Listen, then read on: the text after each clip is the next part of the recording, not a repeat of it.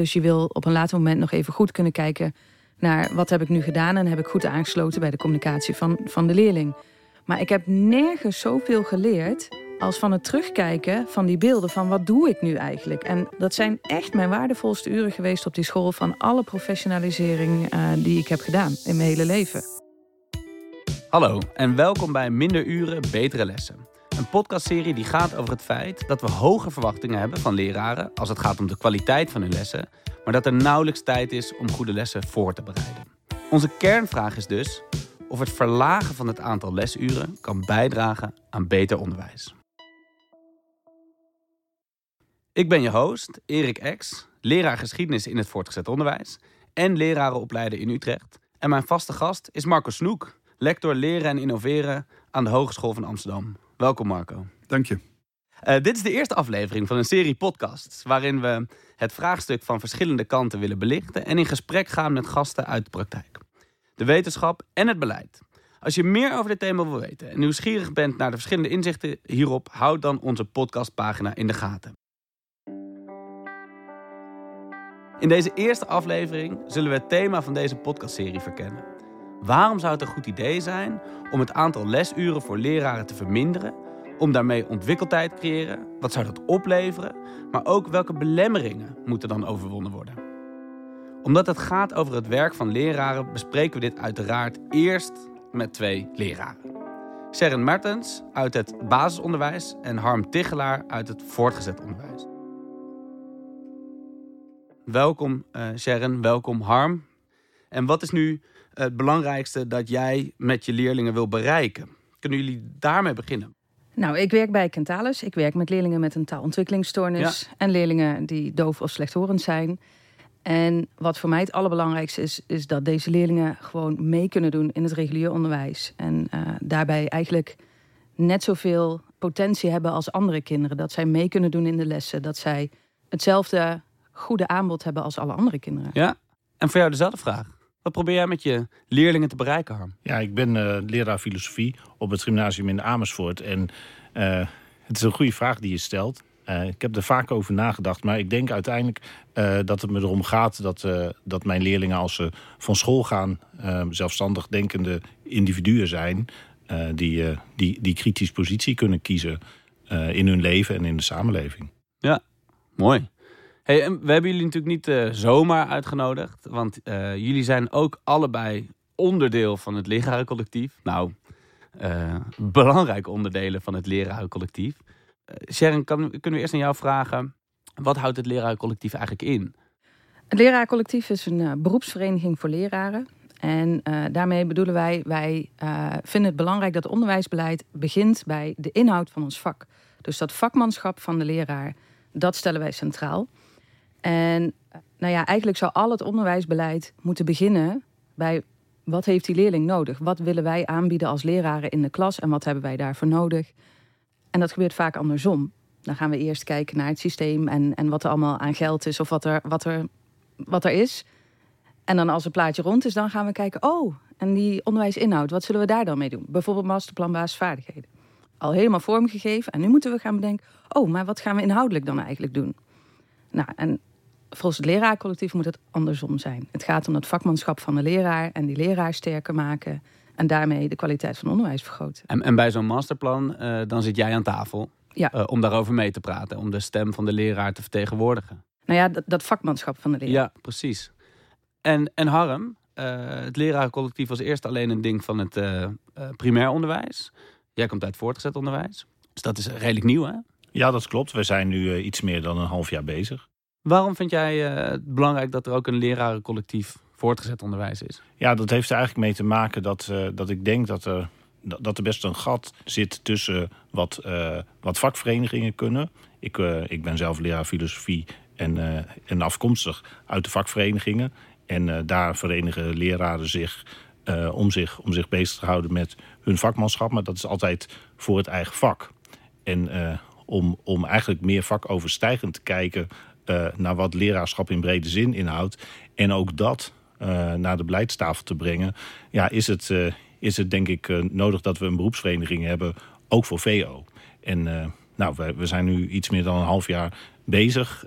we kunnen bouwen op wat er al is bereikt door het leraarcollectief in het PO. En dat proberen we nu, nu, nu verder te laten groeien.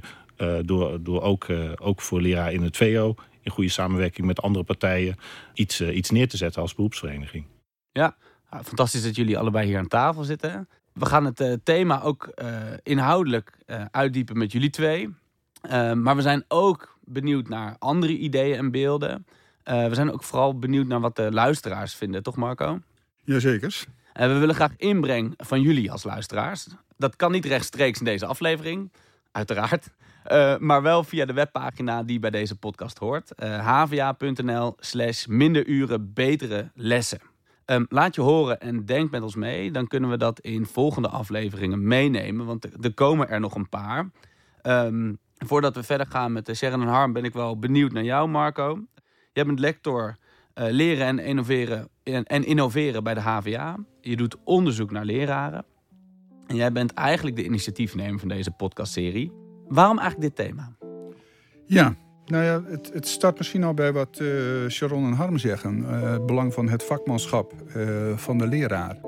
Ehm, kijk, we zijn steeds sterker gaan beseffen met elkaar dat de, ja, de leraar eigenlijk de belangrijkste factor in het onderwijs is. In het leren van, van leerlingen. En dat besef dat die, die leraar zo belangrijk is, dat heeft uh, een aantal consequenties. En de ene consequentie is dat we dan dus ook beter naar leraren moeten luisteren. Dus vandaar dat lerarencollectief. Maar de consequentie is ook dat we ook steeds hogere verwachtingen hebben van leraren. Uh, je noemde al dat masterplan waar, uh, waaraan gewerkt wordt. Ehm, dus we verwachten eigenlijk van leraren dat ze ja, werken aan hogere leeropbrengsten. Ten aanzien van basisvaardigheden, rekenen, taal of burgerschap. We verwachten ook dat ze bijdragen aan de motivatie van leerlingen. Uh, en we verwachten dat ze kunnen omgaan met diversiteit en dat ze bijdragen aan kansengelijkheid. Uh, we verwachten dat ze zich blijven professionaliseren met hun, uh, in hun werk. En we verwachten dat ze eigenlijk ja, de meest recente kennis gebruiken. Dus dat ze ja, bijblijven bij wetenschappelijke literatuur. Dus dat zijn eigenlijk torenhoge verwachtingen. En tegelijkertijd constateren we dat ja, leraren ongelooflijk hoge werkdruk hebben. Eh, ik zit hier in de Amsterdamse context uh, met veel grote stadsproblematiek. Uh, ja, als je kijkt waar leraren daarmee te maken krijgen, dan, dan is dat nogal wat. dus een hoge werkdruk en een context waarin je als leraar vaak in je eentje zit. je staat in je eentje vaak les te geven. je bent in je eentje verantwoordelijk voor de, voor de lessen die je geeft. Nou, en dat betekent eigenlijk dat er eigenlijk nauwelijks tijd is om echt goed na te denken over van... hey, wat is nou een goede les en hoe ontwerp ik nou een goede les? Uh, en, het om, en, en ook nauwelijks gelegenheid is om het met collega's daarover te hebben. Dus aan de ene kant hoge verwachtingen, aan de andere kant veel werkdruk... en uh, toch een redelijk isolement waarin leraren zitten. En dat betekent dat hij eigenlijk ja, in zijn eentje teruggeworpen wordt om uh, aan die verwachtingen te voldoen. En ik denk dat ja, dat dat niet een realistisch, uh, realistische situatie is. Dat je klem komt te zitten aan de ene kant tussen de verwachtingen van buiten... en aan de andere kant de context waarin je werkt. En ik denk dat dat een, uh, ja, een bron van frustratie is voor alle partijen. Ik denk voor de politiek, omdat eigenlijk aan die verwachtingen niet voldoende voldaan uh, kan worden. van leraren, omdat ze het gevoel hebben van ik word overvraagd en ik doe het nooit goed.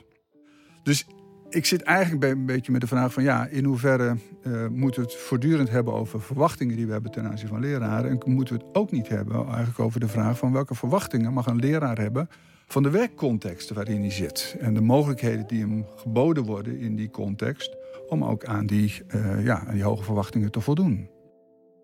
Je begint over hoge werkdruk. Ik heb altijd het idee dat dat vooral iets is uit het basisonderwijs, ook uit het voortgezet onderwijs maar in het basisonderwijs nog uh, urgenter is. Wat betekent dat in praktijk, concreet? Nou ja, dat is een vraag die we ook gesteld hebben aan allerlei leraren in het land met een korte vragenlijst. Gewoon een open vraag van wat is er nodig om de kwaliteit van jouw onderwijs uh, te verbeteren. Ja. Um, en eigenlijk elke leraar, elke PO-leraar heeft geantwoord voorbereidingstijd. Ja. Want ze zeggen enerzijds 85% van, van de respondenten is tevreden of zeer tevreden met de kwaliteit van zijn eigen lessen. En 94% zegt: Ik heb genoeg kennis om mijn onderwijs vorm te geven. Dus het zit hem niet zozeer in professionalisering, zeggen ze zelf. Maar ze zegt: 80% zegt: Ik heb gewoon simpelweg niet de tijd om goede lessen voor te bereiden. Of om juist te evalueren van wat is er gebeurd in die lessen. Of om die analyses te doen over hoe, hoe, hoe scoren die kinderen nu en wat moet ik daar uh, anders in doen in mijn aanbod. Uh, of hoe gaat het met die zorgleerlingen. Daar, daar zit het hem in. En ehm, ik denk dat heel veel leraren, of ik weet het wel zeker, het geldt in ieder geval ook voor mij, uh, dat ik minder ben gaan werken, omdat ik toch die volle werkweek wel maak. Ja. Ik werkte 1,0, ik ben 0,8 gaan werken, voordat ik het leraarcollectief ging doen, omdat ik toch wel 1,0 werkte. En ik wil ook gewoon graag weekend hebben. Ik heb een gezin. Dus heel veel PO-leraren uh, die wel goede lessen willen, voor, willen maken, willen geven, die willen professionaliseren, doen dat in eigen tijd. Ja, ik denk dat eigenlijk veel mensen in het VO niet eens doorhebben, en zeker niet buiten het onderwijs, hoe een lesdag eruit ziet van iemand in het PO. In het PO sta je van half negen tot twee, half drie, half vier ligt eraan wanneer je school uit is voor de klas. Je hebt daar tussendoor heb je een speelkwartier, maar dan ben je aan het serveren. Je hebt een pauze, maar dan ben je met de kinderen brood aan het eten. Je hebt al die verschillende vakken. Je moet van al die verschillende vakken alles weten. Die hele leerlijn van het hele jaar, eigenlijk ook wat er het jaar ervoor gebeurt en wat het jaar daarna gebeurt. Je moet inspelen op de verschillen tussen kinderen. En dan heb je na school nog wat, wat ouders die even wat willen vragen. Uh, je hebt nog uh, vergaderingen. Je moet nog de allerlei, allerlei andere dingen voorbereiden. Allemaal mooie dagen. En uh, eigenlijk tegen de tijd dat ik kan beginnen met een goede lesvoorbereiding voor de volgende dag, zit ik aan mijn avondeten. Dat hebben wij niet, toch, Harm? Nou, dat hangt een beetje um, van jezelf af. Als, Ja. ik, als ik kijk naar mijn, uh, mijn carrière als leraar. Ik geef nu 17 jaar les. Ja. Ik zou toch uh, denken, nou, op de, op, op de laatste paar jaar na. Maar de, de, toen ben ik het aan gaan passen omdat ik merkte dat mijn dagen toch wel heel lang waren. Maar ik heb, ik heb jarenlang heb ik gehad dat ik ook om half acht op school was om, uh, om voor te bereiden. In mijn vak uh, filosofie hebben we, hebben we wisselende eindexamen onderwerpen. Die wisselen elke vier jaar. Nou, als je HAVO en VWO doet, heb je twee thema's. Nou, daar wil je, wil je goed materiaal bij maken. Mijn, mijn indruk is uit de antwoorden, maar ook uit mijn eigen ervaring... dat wij in het, in het VO als leraren heel erg bezig zijn met het... Ja, op, op basis van wat we uh, goed doen, dat nog beter te krijgen. Maar dat vraagt ook, ook mogelijkheden om, om, om aan, aan bijscholing en, en, en bekwaamheidsonderhoud te doen... om echt beter te weten wat je doet in de les en hoe je, dat, hoe je dat goed kan doen. En het is nu toch vaak zo dat we ja, uh, van de opleiding afkomen, de eerste jaren doorkomen uh, en, en weliswaar een betere leraar worden om het vak vol te houden. Maar echt goed weten wat je doet en hoe je dingen beter kan doen en daar ook, ook kennis uit, uit de wetenschap bij, uh, bij binnenhalen, daar komt het vaak niet toe, omdat je toch, ondanks dat het misschien anders is dan in het PO, wel de hele dag bezig bent met je lessen en je aan het eind van de dag heel weinig uh, nog intellectuele ruimte over hebt in je hoofd om het daadwerkelijk beter te doen. Wat denk jij nou dat er in het voortgezet onderwijs, wat, wat, voor professionalisering zou daar het beste plaats kunnen vinden om ja, die lessen effectiever te maken? Want dat zal wel moeten dan, hè? als er minder lessen zijn. Dat is het hele punt van deze, van deze podcast. Minder uren, betere lessen. Maar hoe, hoe, hoe kunnen we die lessen beter maken? Nou, ik denk dat een van de eerste dingen waar we, waar we nu eigenlijk uh, niet of nauwelijks aan toekomen, tenminste niet uh, in mijn ervaring als leraar, uh, maar dat is, dat, dat is echt, echt bij elkaar in de lessen kijken. Op mijn, op mijn school hebben we daar wel een aantal keren pogingen toegenomen. Heel herkenbaar. Uh, ook een paar jaar geleden met, met iets meer structuur ingebouwd. Met een, met een groepje leraren die daarop op werd begeleid. Om, om, om niet alleen te kijken, maar ook goed na te praten, te evalueren. Maar eigenlijk, ja, dat hebben we een tijdje gedaan. En dat was zeer inspirerend om, om echt te kijken en, en, en met elkaar te spreken over waarom doe je de dingen zoals je doet. Hoe, hoe zou je dat beter kunnen doen? Ook, ook kijkvragen um, mee te geven. Maar nu is dat eigenlijk weer een beetje van ja, als je, als je iemand kent, een, een collega waarvan je denkt, oh, dat, uh, ja, daar heb, heb ik wel iets mee. En je maakt, een, je maakt een praatje en dan kom je soms dus op het punt van laten we bij elkaar kijken. Ja. Maar dan moet je ook nog maar net precies uh, kunnen in het tussenuur om dat, om dat te doen. Maar eigenlijk is dit iets waarvan ik zeg... dat moet je vrij makkelijk kunnen uh, organiseren in de school. Dat zou al een eerste stap zijn. Marco, als jij nu kijkt naar die werkdruk? Nou, ik zit even te luisteren naar wat, wat uh, ja, zowel Harm als Sharon zeggen over uh, voorbereidingstijd. Hè. Uh, kijk, je zou de voorbereidingstijd op twee manieren kunnen definiëren. Het ene is de tijd om gewoon even je les op orde te brengen. Dat is vaak organisatorisch. Van oké, wat ga ik precies doen? Welke materiaal heb ik nodig? En dat kost ook gewoon tijd. Dus ik kan me voorstellen dat in het basisonderwijs tussen acht en half negen... dat je met, met dat soort dingen vooral, vooral bezig bent ik hoor jou ook eh, in de context van uh, ja, nieuwe examenonderwerpen, filosofie, hoor ik ook zeggen: ja, maar je moet je ook inhoudelijk verdiepen. En je moet ook nadenken: en hoe ga ik dat dan precies doen? En, en dan wordt voorbereidingstijd eigenlijk een vorm van ontwikkeltijd, waarin je je onderwijs aan het ontwikkelen bent. En, um, en het interessante is dat je dan eigenlijk zegt: ja, dan is je voorbereidingstijd wordt ook bijna een soort professionaliseringstijd, omdat je bezig bent jezelf te ontwikkelen. Um, en, een collega van me die, die heeft onderzoek gedaan naar van, maar wat zijn nou bronnen voor leraren om van te leren? En uh, ik denk dat de belangrijkste bron uh, die je ook aangeeft is eigenlijk je eigen ervaring. En, en ja, leraren hebben natuurlijk voortdurend hun eigen ervaring voorhanden om, om van te leren. Maar een tweede bron, dat is eigenlijk het, het leren van collega's. Um, en ik hoor jullie vooral praten over voorbereidingstijd, die je dan toch weer in je eentje doet. Waarbij je eigenlijk weer niet veel mogelijkheid hebt om van collega's te leren. En dat betekent dat je ja, een beetje je, eigen referentiekader blijft in de ontwikkeling van je lessen. En de derde bron, dat is het leren van theorie. Eh, eigenlijk van ja, uh, gestolde ervaringen van een heleboel anderen. Nou, dus, dus, dus, voor mij is een beetje de vraag van hoe, hoe kan je nou in die, die voorbereidingstijd die je hebt, ehm, ja, niet alleen maar gebruik maken van je eigen ervaring, maar ook de ervaring van anderen en de ervaring die ja, dan uit onderzoek en theorie komt. Sharon, jij wil hier graag op reageren? Ja, ik wilde even reageren nou ja, eigenlijk op het hele stukje van Marco. Want Marco zei, die refereerde naar Harm in uh, uh, wat de VO-docent graag in, in ontwikkeltijd zou willen doen. Dat het uh, meer professionaliseringstijd zou zijn.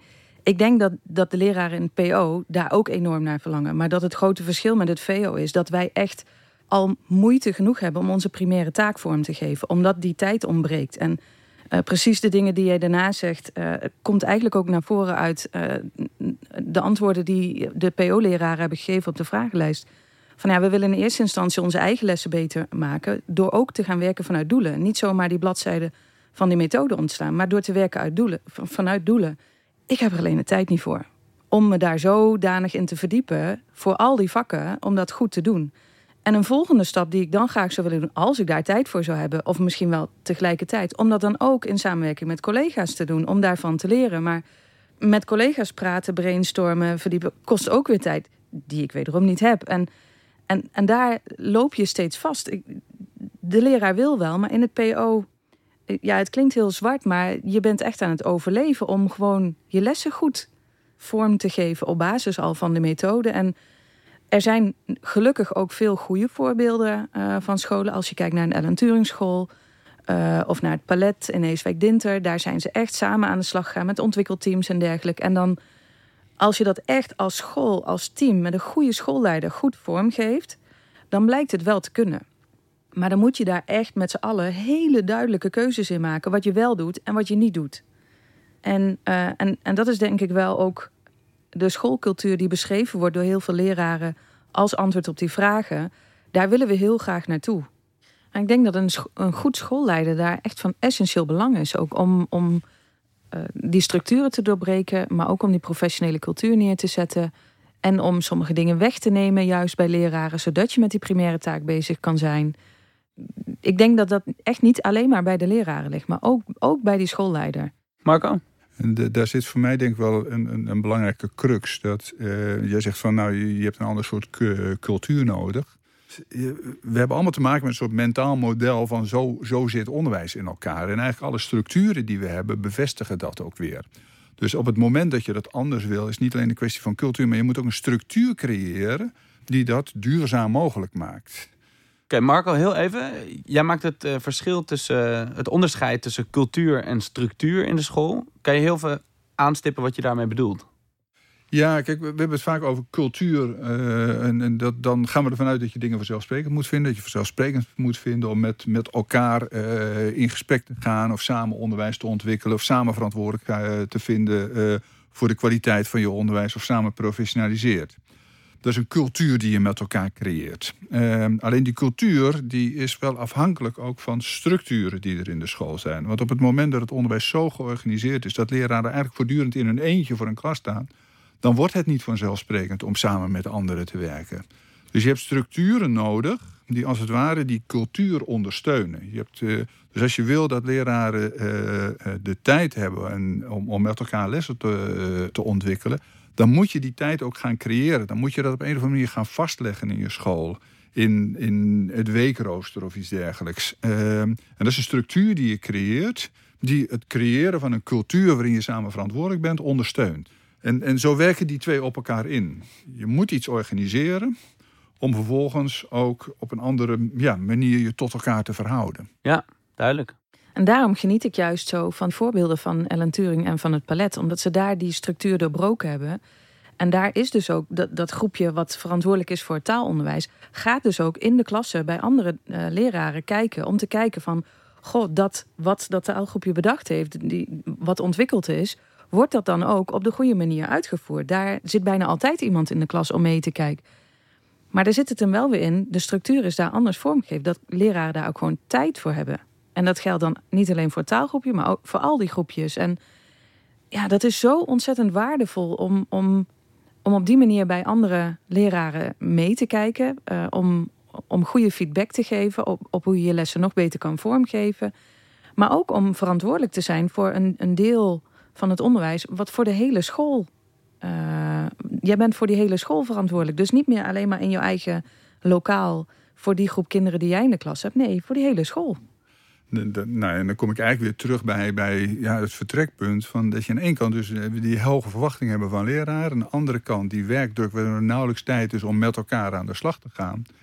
En als je daar, ja, daar kunnen we een heleboel dingen over blijven zeggen. En, en, en, en constateren dat er een spanning is en dat dat frustratie oplevert. Maar ik denk, als je eruit wil komen als leraar, als lerarencollectief of als uh, ministerie ja, dan moet je volgens mij onorthodoxe maatregelen nemen. Dan moet je het lef hebben om te zeggen: ja, op deze manier gaat het niet werken, want we zijn alleen maar aan het overvragen. En vandaar eigenlijk de insteek van ja, maar wat gebeurt er nou op het moment dat je het aantal lesuren van eh, leraren zou verminderen? En dat is een idee wat niet nieuw is, wat ook in, eh, bij het ministerie en bij de Tweede Kamer al, al een aantal keren langsgekomen is. Zou je niet de werkdruk van leraren, het aantal lesuren van leraren met nou, 10, 20 procent moeten verminderen? Ten gunste van ontwikkeltijd. Zodat je samen met elkaar uh, uh, lessen kan ontwerpen, bij, bij, elkaar kan kijken, samen kan nadenken van hoe kunnen we het onderwijs beter maken. Uh, en ja, daar zit denk ik, ja, volgens mij de crux van als je dit, dit, dit knelpunt zou willen oplossen. Stel, je geeft een uurtje minder filosofie. Ben je niet bang dat de leerlingen dan minder gaan leren? Of 10 minuten per uur minder, ik, ik noem maar wat. Ben je niet bang dat ze minder gaan leren? Ja, daar ben ik wel bang voor. Jij geeft al de meest efficiënte lessen die er zijn. Dus- nou ja, ja ik, of tenminste, ik, ik probeer dat te doen. En eens in de zoveel tijd, dan vraag ik mijn leerlingen daar ook na. En dan, uh, en dan zeggen ze gelukkig van ja, uh, bij, bij, u in de les, meneer Tichelaar, uh, werken we echt de hele les ja. door. Dat is lang niet overal zo. dus, de, dus blijkbaar zijn er, zijn er echt wel verschillen waar ik een beetje op haak is, zeg maar, ja, een, een, een maatregel treft van, nou, we gaan uh, minder lessen doen en er is meer lestijd, dan, dan moet die tijd die overblijft ook daadwerkelijk wel zinvol worden ingevuld. Ja. En dat is denk ik iets waar we eerst heel goed over na moeten denken, wat we daar dan uh, mee zouden willen doen, hoe dat vorm krijgt in de scholen en ook wat daarvoor nodig is in professionaliseringsaanbod. Als we daar eerst heel goed met elkaar over nadenken en dat in kaart brengen. En daarna zeggen: oké, uh, als, we, uh, als, we, als we met die tijd dit zouden doen, dan draagt dat ook op basis van onderzoek echt bij aan verhoging van de kwaliteit van de lessen. Dan kan ik mij erin vinden. Maar op het moment dat we, uh, dat we zeggen, hè, en ook, ook vanuit uh, prikkels die er zijn, bijvoorbeeld met het leraartekort. Nou, als we allemaal wat minder, uh, minder les hoeven te geven, dan, dan, kunnen we het vullen. Uh, en, nou, en aan de ene kant, hè, dan is het heerlijk, dan kan ik om twee uur naar huis. Maar dat wil ik eigenlijk niet. Ik wil namelijk uh, zelf, maar ook met mijn collega's, de kwaliteit van mijn lessen verhogen. Ja. Uh, maar ik moet wel weten hoe ik dat moet doen. En ik moet ook ergens uh, een stimulans krijgen vanuit, van, vanuit de schoolcultuur waar ik in zit. En misschien ook wel eh, de professionele cultuur van de leraar in het algemeen. Dat ik weet, ehm, ik geef lessen, maar ik ben naast mijn les ook bezig met ontwikkeling. En dat hoort bij mijn werk. En ik kan het dus niet maken, en ik word er ook op aangesproken, op het moment dat ik dat niet doe. Daar moeten we volgens mij eerst heel goed over nadenken voordat we zeggen, nou, met iets minder kan het ook wel, want in het buitenland werkt het ook. Wat doen ze daar dan, wat wij hier niet doen, omdat we er niet aan toekomen? In, in het VO uh, uh, pleit je dus vooral voor meer samenwerking tussen, tussen leraren, toch, Harm, als ik het goed begrijp? Um, ja. Of zou je ook zeggen, het is ook bijvoorbeeld beter voor leerlingen dat ze wat minder les krijgen? Iets waar we nog steeds over spreken. Uh, door, door de coronaperiode was het zo dat, dat leerlingen uh, veel kortere lesdagen mm -hmm. hadden. Omdat wij niet meer 50 minuten les uh, deden achter het scherm, maar een half uur. Omdat het anders toch wel wat veel was. En, en veel leerlingen die moesten ontzettend wennen toen we weer op school gingen lesgeven aan die, aan die volle lesdag. En leerlingen geven ook aan dat zou toch eigenlijk ook wel uh, wat minder kunnen. Of uh, kunnen we niet meer uh, mogelijkheden hebben om zelf keuzes te maken. Dat is een discussie die bij mij op school speelt. Heel veel leraren zijn gewend aan een bepaald programma... wat ze opgebouwd hebben in de loop der jaren... met de ervaring met, met werkvormen die, die werken... waar ze mee uit de voeten kunnen, die ze ook kunnen bijslijpen. Als je dan terug moet in lestijd... dan voelt dat als een, als een groeiende druk...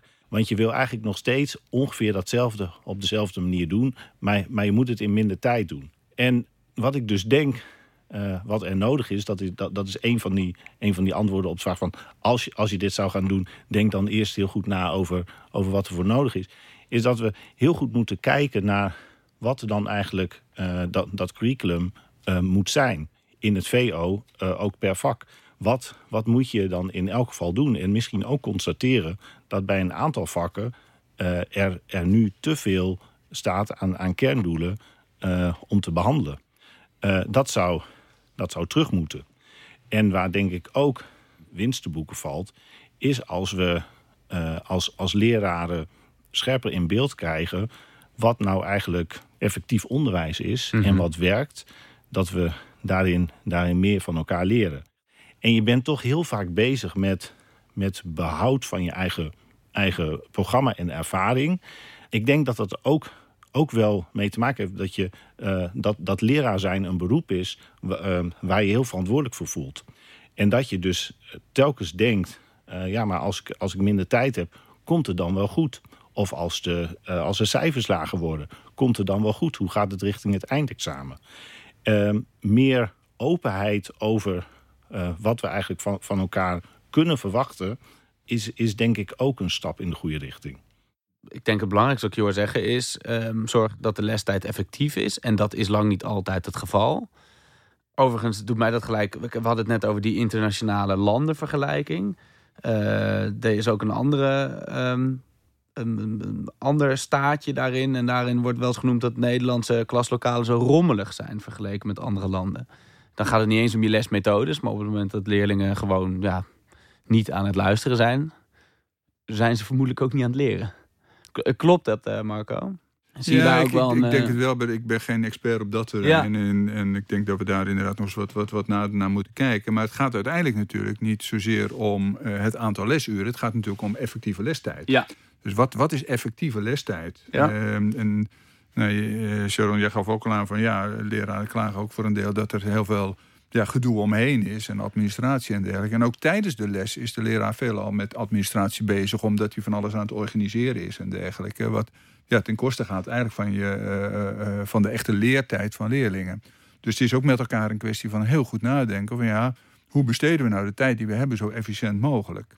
Kijk, en, en als dat niet het geval is, is dat wat mij betreft geen disqualificatie van leraren dat ze dat niet doen. Maar ook gewoon weer de tijd die je hebt om even afstand te nemen en na te denken: wat zijn we nou precies aan het doen en hoe kan dat anders? En daar heb je tijd voor nodig om even afstand te kunnen nemen van die dagelijkse hectiek. En ik denk dat daar voor mij het grootste knelpunt zit van ja, hoe creëer je die ruimte om die afstand te nemen en, en dat niet in je eentje alleen maar te doen, maar het juist samen met collega's. Seren? Ja, en dat, dat, vind ik heel mooi dat je dat zegt. Voor mijn huidige baan heb ik gewerkt bij Kentalis Rafael met doofblinde kinderen. En ehm, daar werden alle lessen werden gefilmd. Er liep een cameraman mee, eh, om, of niet alle lessen, maar veel lessen. Omdat de communicatie daar, eh, die is heel vluchtig. Dus je wil op een later moment nog even goed kunnen kijken naar wat heb ik nu gedaan. En heb ik goed aangesloten bij de communicatie van, van de leerling. Maar ik heb nergens zoveel geleerd als van het terugkijken van die beelden. Van wat doe ik nu eigenlijk? En af en toe heb ik met de handen voor mijn ogen gezeten. Van wat doe echt gewoon letterlijk van wat ben ik aan het doen? Terwijl ik oprecht dacht dat ik het juiste deed. Maar toen ik het zag, dacht ik van ja, maar dat is helemaal niet zo. Het kan nog heel veel beter. Ik heb daar zo onwijs veel geleerd. En dat heb ik ook echt wel meegenomen in dat ik dat regelmatig nog probeer. Nog steeds die camera aan te zetten om nog terug te gaan kijken.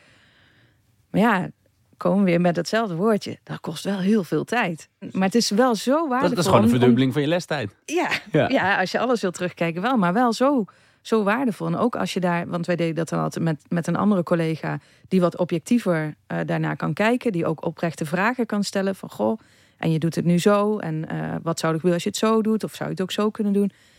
En dat was zo waardevol. Dat zijn echt mijn waardevolste uren geweest op die school van alle professionalisering uh, die ik heb gedaan in mijn Ja, hele leven. En daar noem je dus een element wat, wat denk ik die, die, die meerwaarde nog een keer vergroot. Als je, dat je dat niet in, je, in jezelf doet, dat je jezelf terugkijkt, maar dat je altijd iemand anders meekijkt. En dat er als het ware nog een ander paar ogen meekijkt van hé, hey, wat ben je aan het doen? En je bevraagt en je eigenlijk dwingt om te expliciteren. Maar ik vond het wel doodeng in het begin hoor. Dat- je stelt je enorm kwetsbaar op. Eh, en omdat het daar ja, gewoon was, iedereen doet dat, het, moet zelfs, ga je daarin mee. Maar om dat nu zelf voor te stellen op mijn school, van goh, ik ga mijn les filmen, of wil je mijn les filmen en wil jij dan met mij meekijken? Ja, daar stel je echt wel kwetsbaar op. In, in, eh, en, en ik denk dat het belangrijk is en dat we dat moeten doen. Maar dat zit hem dan wel weer in die professionele cultuur op school. Ja. Ja, en- Dat dat echt een gemeengoed moet worden. Dat we dat samen. We zijn samen verantwoordelijk. En, en ja, ik, ik, ik doe soms niet het allerbeste, maar wel met de allerbeste bedoelingen. Ehm, en hoe kan ik het nog beter doen? En vaak ook wel. Ja, gelukkig bedoel, ook ja. wel. Gelukkig ook wel. Nou, want, dit- want dit vergt heel veel. Hè? En dat is inderdaad iets waar we tijd voor nodig hebben. En zelfs misschien wel tijd nodig hebben om, eh, om die gedachtesprong te maken. Van hoe kan ik me kwetsbaar opstellen ten opzichte van mijn, eh, van mijn collega's. En ik, ik werk natuurlijk ook als leraaropleider. En dan zie je dat, dat voor studenten eh, is dat natuurlijk ook ontzettend lastig. Maar die moeten dat wel. Dat verplichten wij van ze natuurlijk. Maar op het moment dat ze eerste jaren voor de klas gaan... Ja, dan, dan stoppen ze daarmee. Hè, omdat ze heel veel bezig zijn met andere dingen. Zo te horen, Marco, hebben we tijd nodig om ons kwetsbaar op te stellen. Wat ons betere leraren maakt. Ehm, is een kleine, voorzichtige conclusie die ik aan het begin van deze podcastserie alvast ga, ga trekken.